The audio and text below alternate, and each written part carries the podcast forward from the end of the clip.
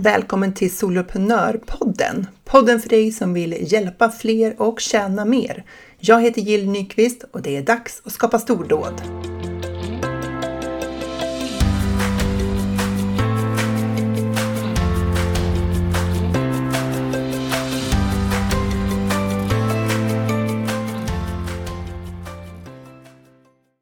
Idag har jag med mig en av mina medlemmar i Soloprenörerna. Det är Ingrid Torngren som jobbar med personlig utveckling för kvinnor. Välkommen till Soloprenörpodden.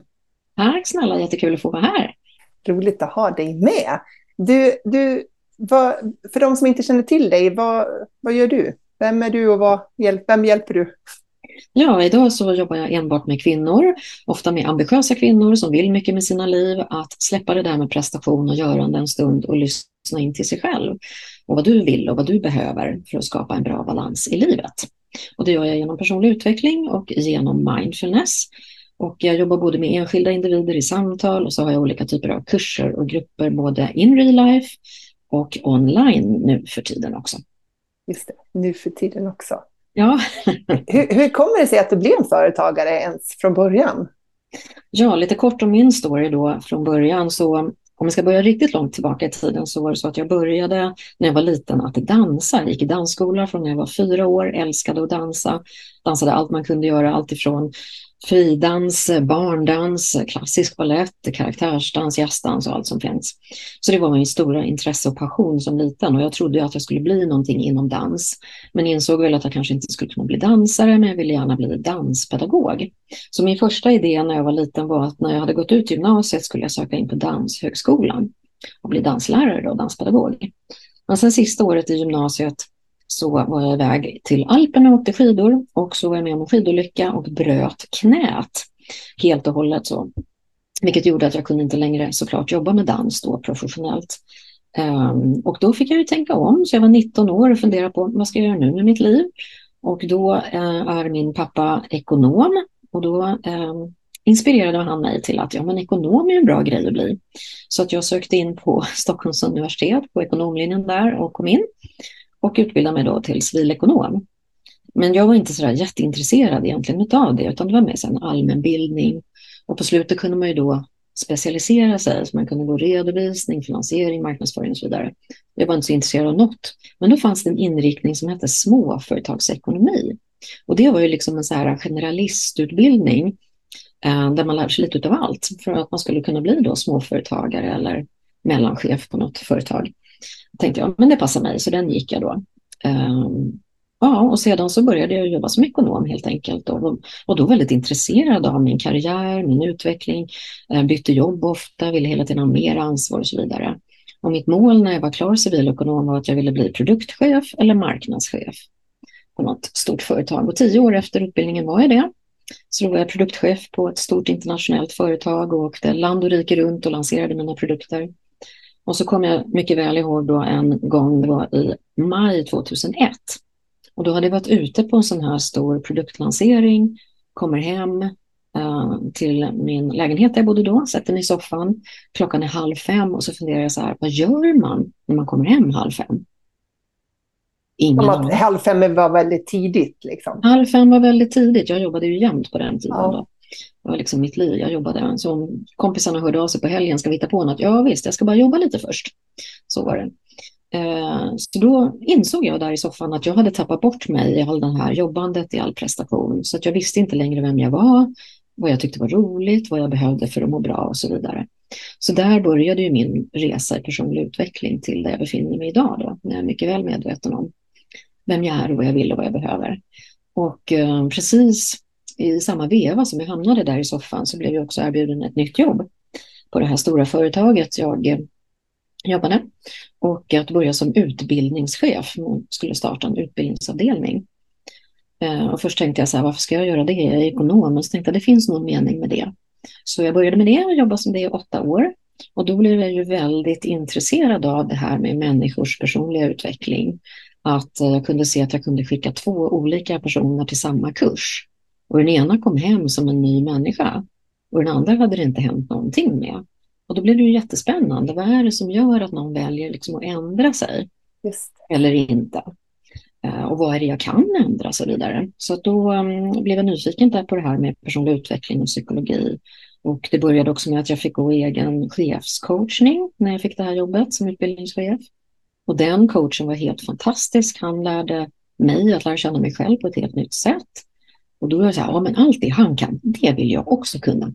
Och då visade det sig att han hade gått utbildning på Humanova i psykosyntes. Och då började jag gå där första året för min egen personliga utveckling. Och sen var det så himla bra så att jag fortsatte gå där i tre år till. Och det är ju en halvtidsutbildning och så jobbar jag då heltid som utbildningschef. Och då eh, utbildade jag mig till samtalsterapeut och coach. Och då kunde jag ju också använda allt det jag lärde mig där i utbildningar Eh, som jag höll då, mycket ledarutbildningar, de mjuka delarna av ledarskapet, kommunikation, konflikthantering, grupper, gruppprocesser och allt det här. Men sen började jag väl längta liksom efter att få använda det här ännu mer. Och eh, 2008 var jag hemma, jag var föräldraledig med vår dotter och när jag kommer tillbaka 2009 så har jag fått en helt ny chef och det har också börjat en helt ny vd på det här stora företaget. Och jag kände väl att det inte funkade så bra. Så jag kände att ja, det finns någon mening med det här också. Så då sa jag upp mig och gick rakt ut och så från 2010 så startade jag då eget. Eh, och har gjort det nu då sedan i ja, 12 år, eller 13. Mm. Wow. Så, så är min story till där jag befinner mig idag.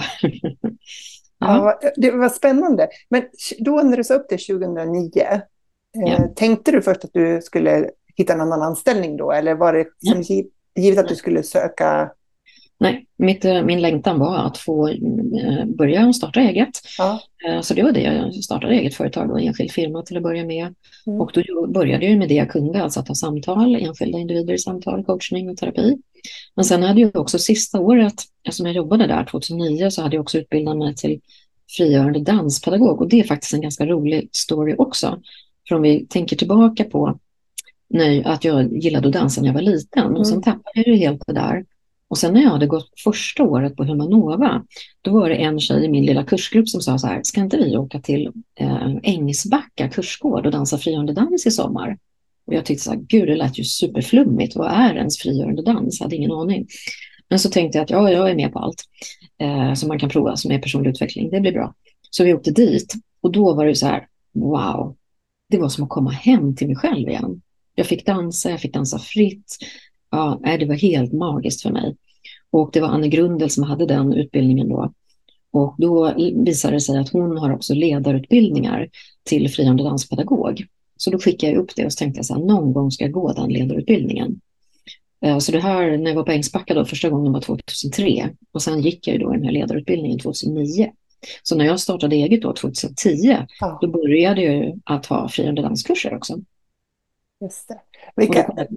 Ja. ja, men det är så spännande vändpunkter tycker jag i din berättelse. Liksom så här, hur du började dansa som fyraåring och att det, det nu har kommit tillbaka, det starka intresset, det finns som en del av ditt företagande. Ja. Men sen också att du gjorde illa knät där och det gjorde att ditt liv tog en annan riktning än vad du hade tänkt dig. Ja, och när jag gick den här inriktningen på ekonomlinjen som hette småföretagsekonomi, jag hade ingen tanke just där och då att jag skulle vara egenföretagare. Vi har inget sånt i släkten utan liksom, jag vet inte, det var bara för att det var den minsta inriktningen liksom, uh, som jag valde det då. Men jag kan ju tänka mig att det var själen som liksom puttade mig åt det hållet, att det där kan vara bra att kunna lite längre fram. Ja. Nu är det ju såklart en jättebra fördel att kunna lite om ekonomi som egenföretagare såklart. Mm. Och så jobbar du mot, den där, liksom, eh, mot det där målet då, att bli produktchef. Ja. Och sen var det ju så långt ifrån givet att du skulle bli erbjuden ett jobb då inom utbildning. Ja, visst. Verkligen. Och så skedde det. Och så tog det dig in på den här banan som du nu är med personlig utveckling. Och, mm. alltså, sånt där tycker jag är så himla spännande när man ser tillbaka på liksom hur livet är. Så kan man se den här röda tråden, liksom, den här Exakt. vägskälen där det har hänt någonting. Jo. Och jag som idag jobbar med personlig utveckling, jag kan ju berätta lite mer om det sen, men jag tänker ju att det finns någonting som är vår egen själ också. Mm. Vår egen kärna, vårt eget frö, vår essens, varför vi är här, vår livsuppgift på något sätt. Och att vi inte alltid är så kontakt med det, eller jag har ju inte varit det tidigare i varje fall, men att idag kan jag se att det liksom är den där själen som ändå puttar mig i att ja, men det här det, är ungefär ditåt du ska gå, det är ditåt du ska gå. Ja. Om man inte förstår det just då så kan man se det i efterhand att mm, det där, det var meningen. Men kunde du se det då, tänker så här, när du bröt knät där, eller liksom, där, just som du sa någon gång nu, så här, nej men det är väl någon mening med det här också.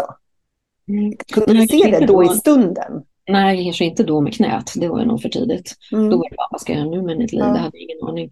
Men, uh, men sen i efterhand så kan jag ju tänka då, alltså det här till exempel att, jag tänk, alltså idag är jag ju väldigt medveten om det, att saker och ting sker av en anledning. Ja. Liksom, uh, det är ju där för att vi ska lära oss någonting. Så att uh, det är ju livet eller själen eller vad vi nu väljer som, som liksom ger oss de här olika riktningarna.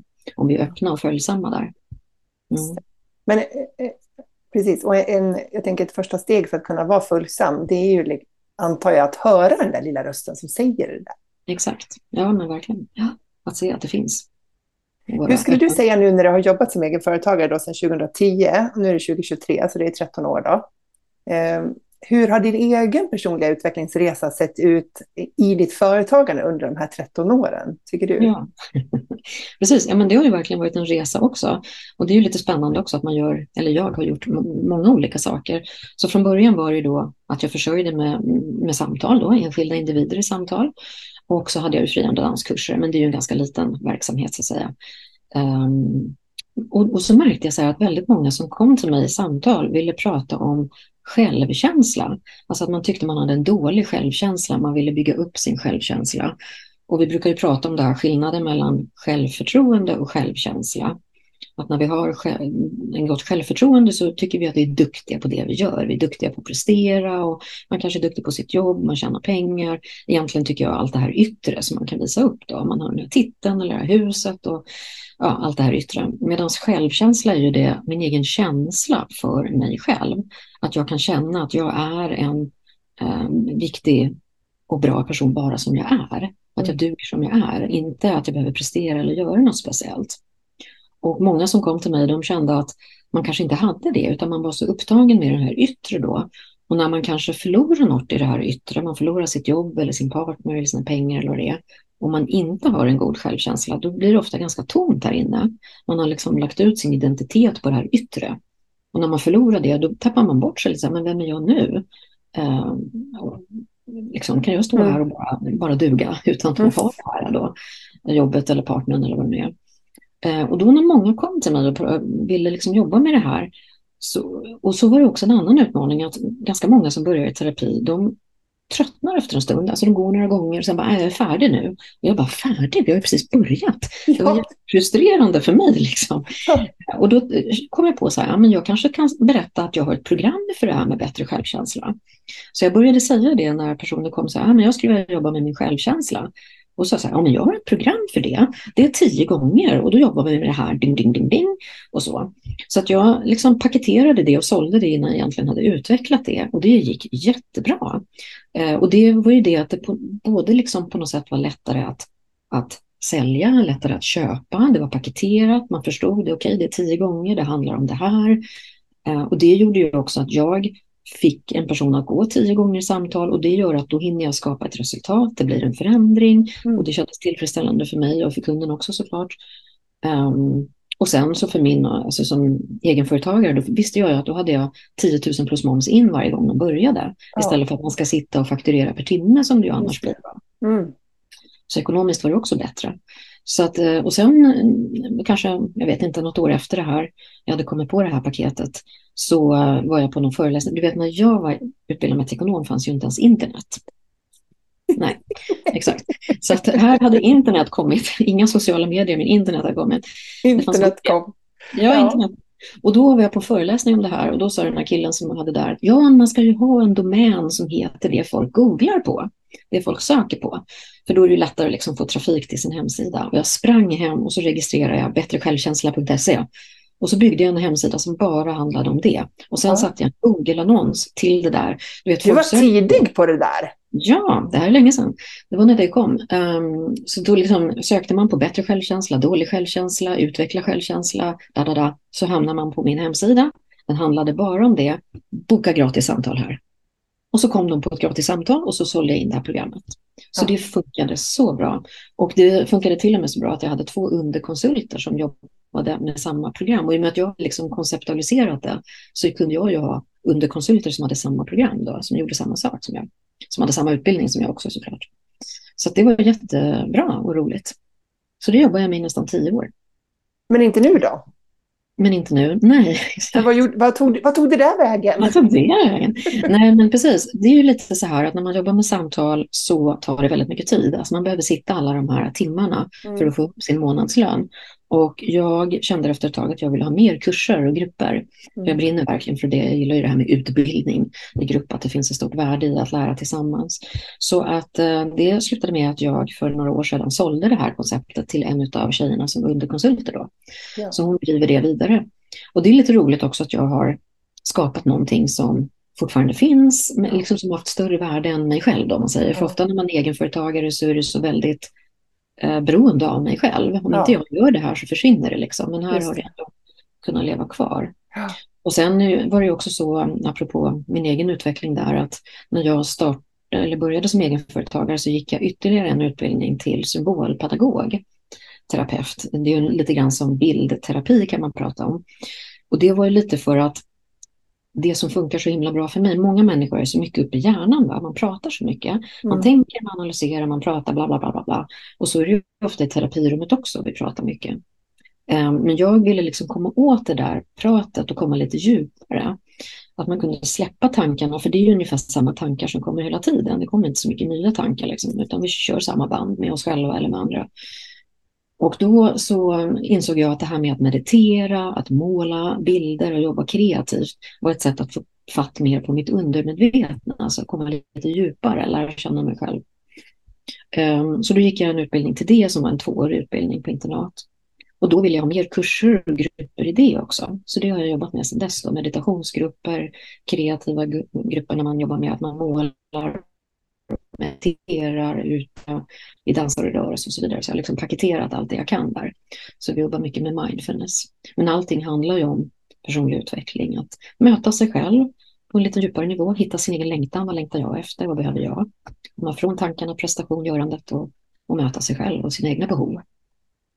Så det är det jag har, har jobbat med då, bygga upp olika utbildningar. Och sedan så drev jag också ett, ehm, ett företagshotell i sex år tillsammans med min man han jobbar med kroppen, han är eh, massör men också osteopat idag. Så man jobbar mycket med den fysiska kroppen då, balansering. Människor som har smärtproblematik eller ont i kroppen på olika sätt. Um, och vi kände båda två att man är ju ganska ensam som egenföretagare. Även om man träffar sina kunder så är man ganska ensam annars. Man sitter i en egen lokal kanske, eller vad man nu är. Mm. Så vi kände att vi ville skapa en bra arbetsplats för oss själva, där vi kunde ha kollegor fastän alla var egenföretagare. Mm. Vi drev under sex år ett eh, kontorshotell som hette Helhetshälsan eh, vid Norra Bantorget inne i Stockholm.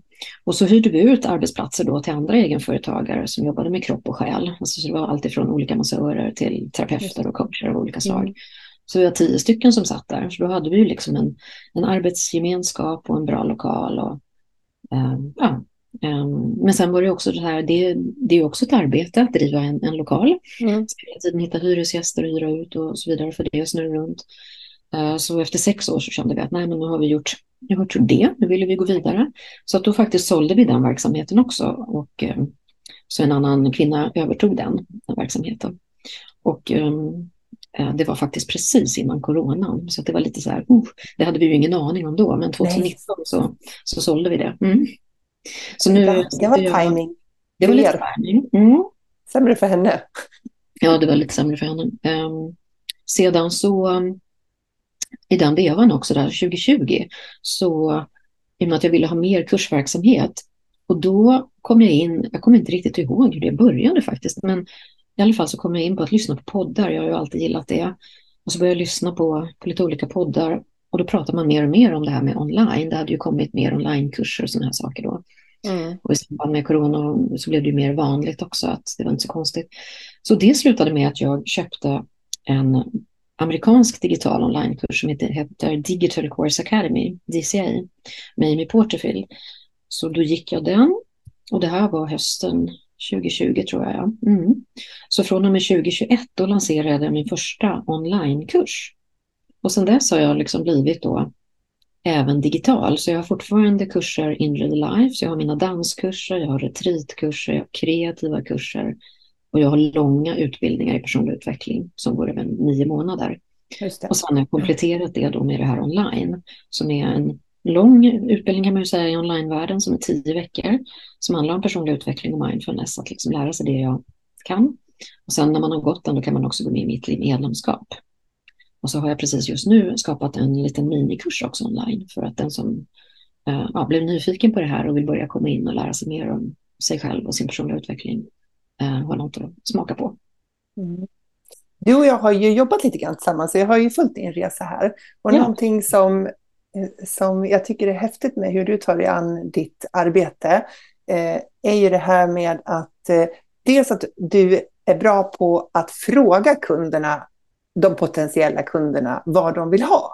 Just absolut. Så, eh, ja. så det är en sak, som jag vill, om du kan säga någonting om det. Och det ja. andra som jag tycker som också är spännande med dig, det är det här, att du säljer saker som, som inte finns. Ja.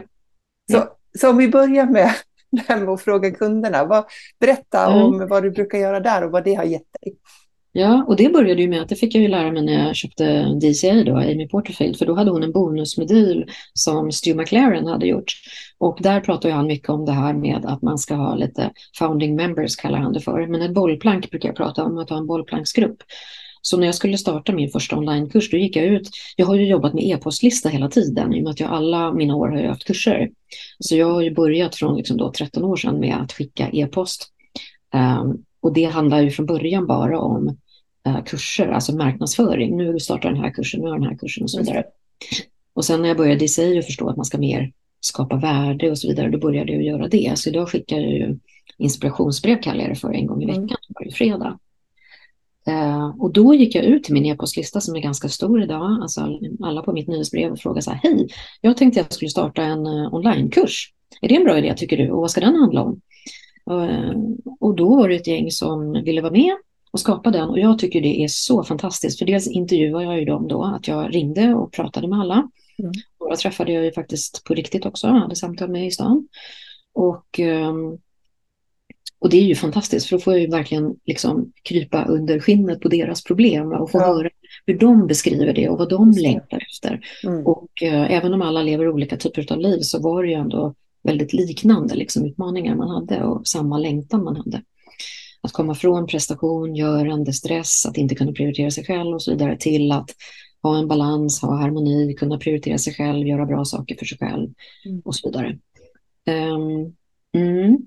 Så det började ju med då första gången där, onlinekursen. Och också, dels fick jag ju som sagt reda på verkligen deras problem. Jag fick höra deras ord som jag kunde använda liksom. Eh, och att lösa då deras problem såklart. Eh, men sen också blir ju det en liten fin grupp som hejar på liksom i processen.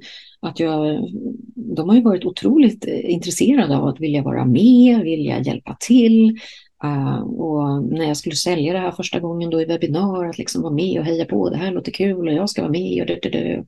Och sen vara med och utveckla kursen och utvärdera den också. Så det um, var väldigt fint att ha en sån liten hejartrupp liksom med sig där som jag visste mm. ville stötta mig och hjälpa mig. Liksom. Mm. Och det där har ju du gjort några gånger efter det också. Ja, sen gjorde jag just... det när jag startade mitt medlemskap. Gjorde jag ja. samma, och när jag skulle starta min podd gjorde jag samma sak. Och nu också när jag startade den här lilla onlinekursen faktiskt också. Så att jag använder mig av den metoden för jag tycker det, det är bra. Vad, vad är största fördelen när man går ut och frågar på det sättet då? Ja, men dels är det ju att verkligen, istället för att jag ska gissa vad jag tror mm. att de har för problem, så får jag deras ord på problemen. Jag, alltså, det är att, och det kan jag ju i sin tur använda såklart i min copy sen, alltså att jag kan mm. beskriva deras nuläge och längtan bättre och tydligare, som mm. andra kunder sen kan känna igen sig Plus att det är viktigt att se att jag inte hittar på någon grej som jag tycker är en bra grej som ingen vill köpa. Så det är ju också att, um, att få hjälp i det. Mm. Mm. Och det, det, där är ju ett jättebra sätt att få in, just som du säger, så här, lite feeling för vad är problemet så som kunden beskriver det, liksom, och vad är det önskade läget så som kunden beskriver det. Så det är en, en ska man säga, om man ska försöka säkra att man skapar en kurs som de verkligen vill köpa så är det ett steg. Men att ta det där en vända liksom ännu längre, det är ju när du går ut och säljer kursen innan du har skapat den, men du har skapat erbjudandet. Alltså du har skapat, du har skapat eh, beskrivningen av vad kursen hjälper till med. Ja, exakt. Och det har du också gjort vid några tillfällen? Alla de här gångerna, från det här coachprogrammet jag hade, först med bättre självkänsla, för det hade jag ju också bara beskrivit på papper. Det är klart jag hade en idé om vad jag skulle göra, men ja. jag hade inte liksom gjort något material till det. Eh, till nu första onlinekursen, medlemskapet och nu den här minikursen, att jag har alla gångerna sålt det innan det har varit klart. Även om jag har det på papper vad jag ska göra så har jag fortfarande inte spelat in något. För jag tänker, är det ingen som vill köpa så är det bara, apropå det här du brukar prata mycket om, att man sitter på lagret. Eh, och jag ska inte säga något om det, för det gör jag jättemycket. Men att man kanske lägger ner jättemycket tid på att skapa en jättefin onlinekurs och sen är det ingen som köper den. Det är ju också onödigt arbete då, tänker jag. Då är det bättre att man bara har det på papper. Man har inte filmat allt och skrivit allt och gjort allt. Exakt, för jag tillbringade ändå åtta månader med att skapa en kurs som ingen köpte, så jag vet precis vad det där handlar om. Absolut. Min, min första vända, så att, eh, ja, den har jag testat. Ja. Eh, men, men hur... För jag tänker så här, många gånger när jag sitter i coachsamtal med företagare så föreslår jag just det här, du vet att du kan sälja kursen innan du skapar det. Och då, väldigt många, inte alla, men väldigt många ser helt skräckslagna ut när jag säger det, för de blir liksom så här, hur ska det gå till? Och hur, hur kan jag sälja något som inte finns? Så att det kommer upp väldigt mycket tankar. Eh, så, så här, man får ett skräck för det.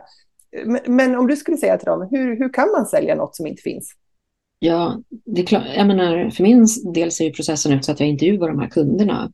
Och då vet ju jag vad de behöver och sen vet ju jag vad jag själv kan, alltså min kompetens, min expertis, vad jag kan hjälpa till med då för att lösa de här problemen utifrån det jag kan och det jag jobbar med. Um, och då har jag ju en idé om det här såklart som jag har liksom skrivit ner. Ja, men då skulle man kunna göra den här övningen och gå igenom den här teorin och man får de här uppgifterna. Så det är ju inte det att det inte finns någonting när jag säljer, utan nej, det finns bara på papper så att säga. Exakt, det finns inte ehm, producerade um, färdiga filmer nej. eller arbetsböcker eller liksom dokument eller så. Nej, utan, men för mig är det också att jag presterar bäst under press. Liksom. Att jag, när jag har sålt något och folk vill ha det, då gör jag det. Liksom. Då är det det som som gör att jag får tummen ur och gör någonting ordentligt. Liksom. Ja, Annars men, är det ju bara en, en idé. Mm. Exakt, och det där är ju också så eh, jättevanligt, det där med att den här idén som du visade mm. genom att dra en cirkel runt huvudet, så här, man har det i sitt huvud bara, man har en vision för vad det kan bli. Det känns inte riktigt på riktigt och så blir det liksom inte riktigt av. Man sätter inte igång med det, för det känns inte som att det riktigt är på riktigt. Mm. Men det som hjälper till i det här då, det är ju så här, men här är några kunder som har köpt in på mitt koncept. Och då blir man ju väldigt motiverad att producera det plötsligt. Ja, verkligen. Ja, men nu är det ju så att jag har tvingat mig själv att göra det här, för jag har sålt en utbildning, folk har köpt ja. den och då behöver jag leverera den. Och då är det också roligare, för då vet att ja, du har en mottagare som sitter och väntar ja. på den. Om vi bara pratar om den här kursen som du precis har sålt in, den här minikursen nu då. Just det, precis. Mm. Och, ehm, och samtidigt behöver man ju själv vara en sån person som klarar att leverera under press. Alltså man får inte vara stresskänslig då kanske för att jag är ganska bra på att under korta perioder jobba väldigt intensivt och för mig är det okej. Okay. Jag tycker ja. det är till och med kul. Det ger mig energi att liksom, nu ska jag skapa det här och så gör jag det. Och, och sen är jag färdig med det på något sätt. Um, så det gör, gör, att jag fokuserar bättre liksom, på det vis och får saker gjorda. Mm. Men det tycker man det är jättestressande och jättepressigt att jag måste leverera varje vecka här nu då, då kanske man inte ska göra så. Nej, och jag tänker att det, det, kan också hänga ihop lite grann med erfarenhet. Nu gjorde du så på din första kurs också, men om jag bara ser tillbaka på vad jag behövde lära mig för att klara av att skapa en onlinekurs, eh, så tänker jag att jag hade kanske fått lite problem då om jag hade sålt in den i, liksom först, eh, för att jag hade liksom ingen aning om hur jag skulle göra sen. Och hade jag då liksom haft två veckor på mig att komma ut med det första materialet så hade det förmodligen blivit så här eh, obra i mitt fall. Mm. Så jag tänker att den erfarenheten du har nu, med att du har skapat flera kurser, du har hållit en massa av de här onlinekurserna och du har haft dialoger med dina liksom, deltagare och du har dessutom erfarenheten som inte jag hade när jag startade, att köra utbildningar faktiskt vad ska man kalla fysiskt, i, i riktiga... Ja, ja, ja, så du hade ju ändå den här utbildningserfarenheten mm. som du kunde plocka in då och liksom använda dig av när du skapar ett digitalt material. Men kan du se att det liksom är att du har gjort en utvecklingsresa där också nu från den första du startade efter du hade sålt in den och nu när du ska sätta igång med det här och skapa det materialet som du har sålt in nu, att du har blivit vassare på att producera material? Ja, absolut, så är det ju. Och, och jag menar för mig, jag är ju väldigt... Eh, jag ska inte säga så kanske, men jag är inte så bra på teknik ska jag säga. Det är inte min styrka liksom. Um, jag är bättre på andra grejer. Men jag har ju fått lära mig så extremt mycket om teknik. Ja. Och i början var det ju det som var utmaningen. Alltså jag är jätteduktig på att göra bra utbildningar och skapa bra material och mm. vad jag ska utbilda i och övningar och så vidare. Men det här med att spela in och lägga upp och hit och dit, allt det här ja, men det var ju min utmaning. Så i början, första gången, hade jag ju en VA-assistent som hjälpte mig med det tekniska, att lägga upp och få det ah. snyggt. Och sådär. Mm. Även om jag spelade in allt själv och så, men gjorde allt material. Men hon hjälpte mig liksom rent tekniskt att bygga kursportalen och sådär. Mm. Jag använde ju Kajabi då, som är det som Amy Porterfield rekommenderar. Mm. Och för mig har det passat bra, för då i samband med att jag började med det här digitala så bytte jag varumärke också. Så nu för tiden så heter jag ju mitt namn då, ingridtorngren.se. Ja. Så då på Kajabi kan man ha, jag har min hemsida, jag har all e-post, marknadsföring där och jag har min kursportal, min medlemsportal, min podd och så vidare. Att jag har mm, allting samlat. Ja. Så det enda jag har utanför det är Zoom egentligen, när jag Zoom-möten. Mm. Så, um, ja, så det var ju jättemycket. Men idag kan jag ju skapa egna kurser där och lägga upp allt själv och jag har min podd och jag gör den själv. Och det var ju också, jag kom på att jag skulle ha en podd här förra året. Och jag höll ju på att dö liksom, de tre första gångerna. ja, men verkligen, alltså, jag var så stressad och, och det här var så svårt, det här tekniska. Ja. Så att jag visste inte, alltså, vad har jag gett mig in på? Och idag är det ingen, liksom, det, är så det är hur enkelt som helst, såklart. För allting är enkelt när man kan det. Ja. Så att, eh, det har ju verkligen varit en utvecklingsresa för mig att ta mig igenom allt det här digitala och lära mig det. Och, Ja, men, men, jag tänker att det kan vara inspirerande att höra, för du är ju inte ensam om att ha tekniken som ett av de stora hindren. Eh, det är lite olika vilka hinder som är störst mm. för oss inom alla de områden man måste behärska som soloföretagare. Men tekniken är ju typiskt en sån sak. Ja. Ehm, men sen tänker jag också att här, det du, du hade ju en styrka i att men jag var van att sätta ihop bra utbildningar. Jag vet hur man som lär ut. Och jag tänker, det är ju en viktig förmåga att kunna också när man jobbar med att liksom, skapa utbildningar online. Och nu har jag ju hållit en del, för egen del, egen live-utbildningar. Eh, så att jag har ju sett skillnaden. När man kör liveutbildningar, oavsett om man är på Zoom eller om man står i en fysisk lokal, så kan man lite grann läsa av rummet och se vad som inte funkar. Så kan man förtydliga, man kan gå tillbaka, man kan vara lite dynamisk på det sättet, eller flexibel. Men när vi kör våra onlinekurser, då kan vi ju inte det, för vi vet inte vart de kör fast. Utan vi måste liksom använda vår pedagogiska förmåga att paketera kunskapen så det blir den röda tråd och den förflyttning som behövs för att kunden eller kursdeltagaren då ska komma till ett resultat. Jag har ju lagt till där um, i den långa utbildningen jag har, onlinekursen som är tio veckor, så jag har lagt till som en bonus att vi har ett Zoom-möte live varje vecka också. Så man får kursmaterial ena veckan och så gör man de övningarna och så ses man på Zoom då nästa vecka mm. tillsammans med mig och de andra som går kursen. Och då är det ju för mig en möjlighet att följa upp. Hur går det? Mm. Eh, är det något som är svårt? Man kan ställa frågor till mig. Man lär av varandra. Så det blir jättefin, en jättefin respektfull gemenskap verkligen. Mm. I och med att man jobbar med sig själv och sin personliga utveckling där och man lär av varandra och man känner sig mindre ensam. Det är inte bara jag som sitter med det här och så vidare. Och, och, och jag liksom kan checka av lite att folk är på banan och tar sig igenom det steg för steg.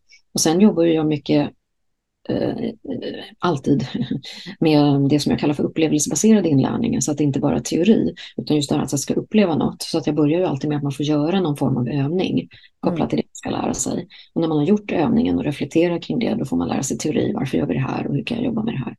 Så att jag har ju gjort det väldigt upplevelsebaserat. Eh, och det gör ju att jag vet att gör man bara kursen så kommer man få ett resultat och man kan komma vidare och så vidare. Och sen mm. kan man alltid kontakta mig i den här Kajabi-kursportalen kan man skriva frågor, kommentarer som alla kan se och jag kan svara på det. Jag har gjort en Facebookgrupp till de som går kursen, man kan prata med varandra där. Mm. Man kan alltid mejla mig under kursen och så vidare. Så det finns alla möjligheter att ställa frågor också. Men den här Zoom-mötena har varit jättefina tycker jag för att hålla eh, gemenskapen också under kursen. Mm. Och det blir jättefint. Ja, men det förstår jag. Jag tänker på, det, det, som det du hjälper till med är ju personlig utveckling för kvinnor. Du pratar om mindfulness och, och olika metoder för att som jobba med sin personliga utveckling. Och jag brukar ju säga att att driva företag är som personlig utveckling på steroider. vi ställs inför så många utmaningar som vi ja. måste liksom ta hand om på ett eller annat sätt. Och det finns ingen som löser det åt oss. Vi kan inte gå till en chef och få hjälp. Vi har ingen HR-avdelning, liksom, utan vi står där och ska klara av den också, liksom, samtidigt som kursportalen strular eller mejlen hänger sig eller du vet vad som helst. Eh, vad skulle du säga är dina lärdomar kring personlig utveckling som du kan liksom föra vidare? Så här, hur, kan man, hur kan man hjälpa sig själv i sin personliga utveckling just som företagare utifrån ditt perspektiv kring personlig utveckling och mindfulness? Ja, ehm, det finns flera olika saker, men det jag kommer att tänka på först, det är ju det som har varit viktigt för mig, det är ju att eh, hela tiden använda mig av någon typ av gemenskap och någon typ av coach för att hjälpa mig. Men det har ju kanske varit mer i min företagsutveckling. Jag känner att jag har en gemenskap. Jag har ett bra gäng här som jag kan bolla idéer med, eh, som jag kan känna samhörighet med. Även om man är egenföretagare mm. så har man ändå en gemenskap. Och från början hade jag min egen arbetslokal, men nu för tiden är det ju många sådana nätverk som jag är med i grupper online då, bland ja. annat i, i Soloprenörerna, då, i ditt mm. medlemskap. Uh, och uh, jag har fått coachning av dig också och, och, även andra genom åren. Så det är väl alltid det. Sedan så var jag också när jag hade gått Amy Porterfields kurs så har ju hon också ett medlemskap som kallar Momentum. Mm. Så när man har gått hennes onlinekurs så kan man gå med i det här medlemskapet. Och det är ju fantastiskt för hon är ju helt magiskt duktig och har så enormt mycket erfarenhet och expertis. Men det jag upplevde där var ju att äh, det är väldigt amerikanskt. Mm. Äh, så att även om man kan lära sig mycket rent tekniskt där om onlinekurser, marknadsföring, försäljning så kände jag ingen gemenskap där. Och det var därför jag kände att äh, jag ville ha det i din grupp och jag har mm. också ett annat nätverk med andra svenska tjejer som har onlinekurser. Mm. Och det har hjälpt mig mycket i, i det arbetet framåt. Annars om vi pratar om den personliga utvecklingen, så det jag jobbar med är att jag har skapat utifrån psykosyntesen då, som jag utbildade i, en egen modell för hur man kan jobba med sin personliga utveckling. Och då är det ju det här med att vi människor består av fyra delar. Att vi har vår fysiska kropp och så har vi våra tankar, våra känslor och vår själ. Och vi behöver liksom lära oss att förstå hur de där delarna funkar och hur de påverkar varandra. För förstår man det, då är det mycket lättare att hjälpa sig själv till sitt bättre välmående. Liksom. För dels är det den fysiska kroppen och där jobbar vi med fyra olika delar. Det är ju det här med att röra på sig och äta bra. Det är ju inga konstigheter, det vet ju de flesta idag. Mm. Men sen eh, jobbar jag mycket med det här med återhämtning och vila. Det är många kvinnor som glömmer det, man tror att man kan köra på i 190 men det går ju inte liksom. Och så kraschar man och så, så är man jättetrött liksom. Mm. Utan vi behöver den där återhämtning och vilan innan man kraschar. Och sen att vi behöver sova bra. Mm. Och där jobbar jag mycket på mina kurser, att lära mina eh, deltagare att, att hitta bra rutiner för det, för rutiner är väldigt hjälpsamt mm. eh, i vardagen, liksom små rutiner i vardagen. Eh, och sedan har vi tankarna och det är ju också ehm, det här med tankarbetet, att vi kan ha mycket negativa tankar som vi kan fastna i, att jag är värdelös, jag är dålig, det här kommer aldrig gå, hur ska det gå sådär. Mm. Att verkligen tänka då på att tankar är bara tankar. Ja. Tankar är inte verkligheten, tankar är fantasier vi har om verkligheten. Så att kunna disidentifiera, pratar vi så fint psykologiskt, då, att kunna um, titta på tanken lite utifrån så här. Okej, okay, nu har jag den här tanken om att jag är värdelös. Ja. Uh, är det en gynnsam tanke? Ja. Den gynnar inte mig. Jag mår dåligt när jag tänker den tanken. Finns det möjlighet att kunna liksom omformulera den tanken så att den känns lite bättre? Mm. Och jag tänker att man ska inte omformulera den till jag är värdelös till att jag är världsbäst. För Nej. det kan det känns helt sant. Men jag kan formulera om som att eh, jag gör så gott jag kan, jag tränar på det här, ja. eh, det blir bättre och bättre varje dag. eller vad vi nu, alltså att vi kan hitta en lite mer positiv tanke att tänka som mm. gör att vi får en lite bättre känsla för oss själva. Istället för att de här negativa tankarna bara skapar negativa känslor och de sätter sig i kroppen och så mår vi dåligt och så liksom kör vi ner oss i den här negativa spiralen istället. Mm. Det svarta hålet. Så det är det, att jobba med sina tankar och sen känslorna. Och de, som sagt, vi känner ju för att vi har, det är tankarna som skapar känslorna. Så det är också viktigt att förstå. När jag byter tanken här så kan jag skapa en annan känsla. Men sen också det är väl jätteviktigt att förstå? Det är jätteviktigt, ja. Nej, men alltså, det har har jag typ så här, levt hela mitt liv utan att förstått att så här, var kommer känslor ifrån. Ja, klart, när man gör illa sig så kommer det fysiskt. Alltså, slår jag i armen så har jag ont i armen för att jag slog in i fysiskt. Men mycket av det som man tycker är jobbigt som vad ska man säga, mentalt ovälmående. Ja. ja, kommer från vårt sätt att tänka, att vi genererar Exakt. de där känslorna i kroppen. Ja, det är alltid tankarna som skapar känslorna.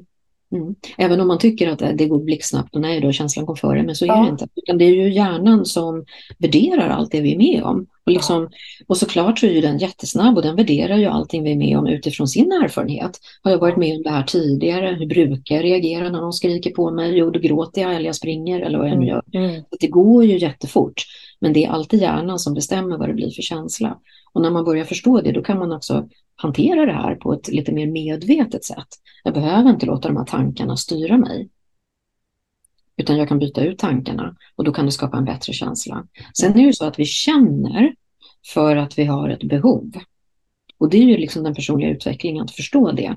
Att känslorna, de ska vi inte byta ut. Liksom. Som tankarna kan vi byta ut. Men känslorna kommer ju för att vi har ett behov bakom känslorna. Om jag känner mig irriterad eller arg eller ledsen, ja, men varför gör jag det? Att titta på den känslan. Okej, nu känner jag mig ledsen. Ja, det är för att jag har ett behov av att få vara med och jag känner mig utanför. Mm. Eller jag känner mig arg för att eh, någon skrek åt mig. Det känns inte okej. Och så vidare.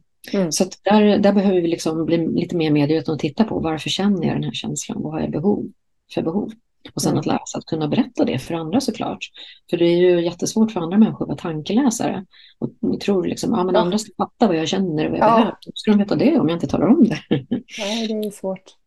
Så det jobbar jag också mycket med. Det är liksom nyckeln där att förstå dels hur det här hänger ihop. Mm. Dels att kunna lista ut då vad jag känner, vill och behöver och sen att kunna uttrycka det för andra för att bli tydligare. Och så den sista i själen, hur hänger den ihop med detta då? Exakt. Ja, men det är ju det här att, och det är ju extra utmanande idag, tänker jag, när vi är så otroligt upptagna, de flesta av oss. Och vårt samhälle är ju så att det är så jättemycket intryck hela tiden. Mm. Det är liksom mobilen och sen är det paddan och så är det datorn och så är det tvn och så är det podden och så är det tidningarna och så är det andra människor. Och så är det, det är liksom aldrig tyst, utan det är alltid ett inflöde. Och för att vi ska få kontakt med den där själen, vår egen sanning eller vad vi nu kallar det för, så behöver vi vara tysta med oss själva. Så det är liksom steg ett, att jag är tyst med mig själv. um, och hör vad, vad dyker upp då?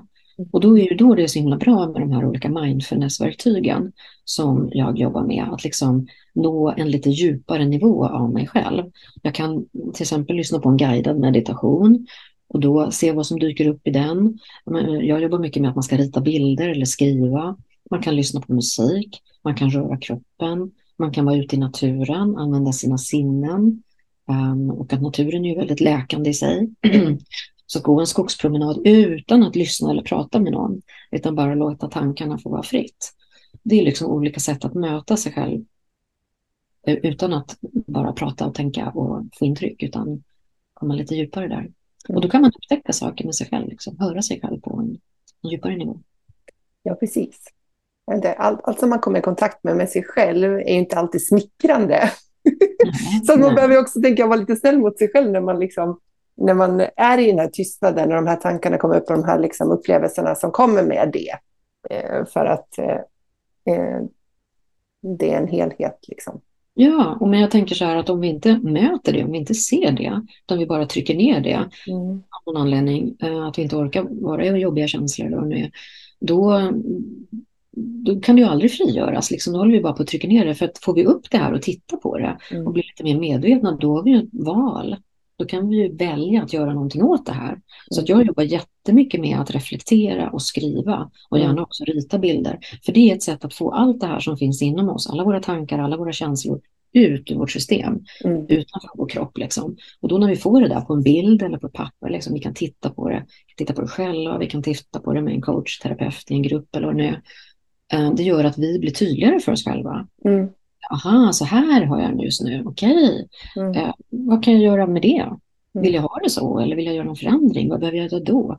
Så det är ett fantastiskt verktyg att till exempel då meditera, rita, skriva, reflektera och så följa sin utveckling. Det är så roligt. Jag jobbar jättemycket med det i, i samtal också och i kurser. Att få skriva, att rita. Man kan följa sin utveckling och dokumentera. Det är fantastiskt det, ja, men det är verkligen häftigt det där. Och jag vet inte hur många gånger som jag gått omkring med en liksom dålig känsla i kroppen, som någon form av oro eller så. Här, det var bara diffust. Och sen när jag har liksom försökt att få tag i det där, vad handlar det om egentligen? Och sen har jag skrivit ner det eller uttalar det högt, alltså berättat om det för någon. Och så blir det så mycket mindre dramatiskt när jag får det ur mig. Ja, exakt. När jag, när jag säger det så är det inte alls lika stort som det kändes på insidan. Och det Precis. finns något frigörande i det där. Liksom, så bara, är det det här som har så gnagt mig så länge? Och sen sa jag det i tre meningar och så bara, fast det där, om det där skulle hända, det överlever jag ju. Exakt. Och det är lite det som händer i samtal också, tänker jag, oavsett om det är enskilda samtal eller en grupp, att när vi får ut det så lättar den energin. Liksom, att vi ja. behöver, utan vi, vi ser det, vi hör det och vi får ut det. Och, ja, um, och det, det, skapar ju utrymme då för att använda den där energin som har gått åt till att hantera den där, liksom, det där obehaget. Det. det får man, kan man använda till något annat som är mer liksom, uppbyggligt och framåtriktat än att ja. bara, för det blir någon form av ältande, i alla fall i mitt fall, kring det där ja. för mig då. Ja, men det blir det. Och för mig som terapeut eller i en utbildning, att det viktigaste för mig är egentligen att vara närvarande med den eller de jag möter, att vara där, att se, att höra, att bekräfta. Sen behöver jag inte göra så mycket mer egentligen. Nej. För det är det som är det viktiga, att den här personen blir bekräftad i sin sanning, i sin upplevelse just här och nu. Ja. Och närvaro, jag menar hur ofta är vi närvarande på det sättet att vi sitter och tittar någon annan liksom i ögonen så här i en timme. Det är fantastiskt att få så mycket bekräftelse, få så mycket ja. närvaro. Det är liksom kärlek, att jag känner att jag är här och jag är på din sida. Och jag finns här för din skull. Liksom. Mm. Mm. Så det är ett magiskt så spännande. Hörru du, om man nu blev superinspirerad av detta, eh, Ingrid, var, var, hittar man dig då lättast? Ja, precis. Eh, min hemsida är ju samma som mitt namn då, ingridtorngren.se. Och jag har ju en freebie, en uh, pdf-fil som man kan ladda ner som heter fem tips till ett bättre liv som finns där på första sidan. Och där pratar jag om det här, min modell och min mindfulness. Så man vill ha lite tips om hur man kan jobba med sig själv, lite det vi pratar om här, hitta bra rutiner och skriva, reflektera kroppen och så vidare. Uh, så finns den att ladda ner och sen har jag också en podd idag som mm. heter Balans i livet-podden. Och den finns ju på hemsidan men också om man lyssnar på podden någon annanstans då på Podcaster eller Spotify eller Google Podcast så finns den ju där om man söker mm. på Balans i livet-podden. Så där pratar jag mycket om personlig utveckling och mindfulness och allt det som jag jobbar med såklart. Och sen har jag ett inspirationsbrev då som jag skickar varje fredag så det kan man också anmäla sig till. Så får man eh, tips och idéer om sådana saker som jag jobbar med. Jag har också en sida, en gratissida, jag säga, sida som, med gratis inspiration på min hemsida. Eh, där jag har meditationer och lite andra saker. Då. Mm. Så det är väl det. Och så har jag diverse kurser, både online och in real life och samtal då, om man är intresserad av det. Mm. Som man kan läsa om på din hemsida då? absolut, allt finns där. Tusen tack för att du var med i Soloprenörpodden. Stort tack för att jag fick vara med, jätteroligt. Och jag hoppas att du som lyssnar funderar över det här med personlig utveckling, om inte det är din väg till stordåd.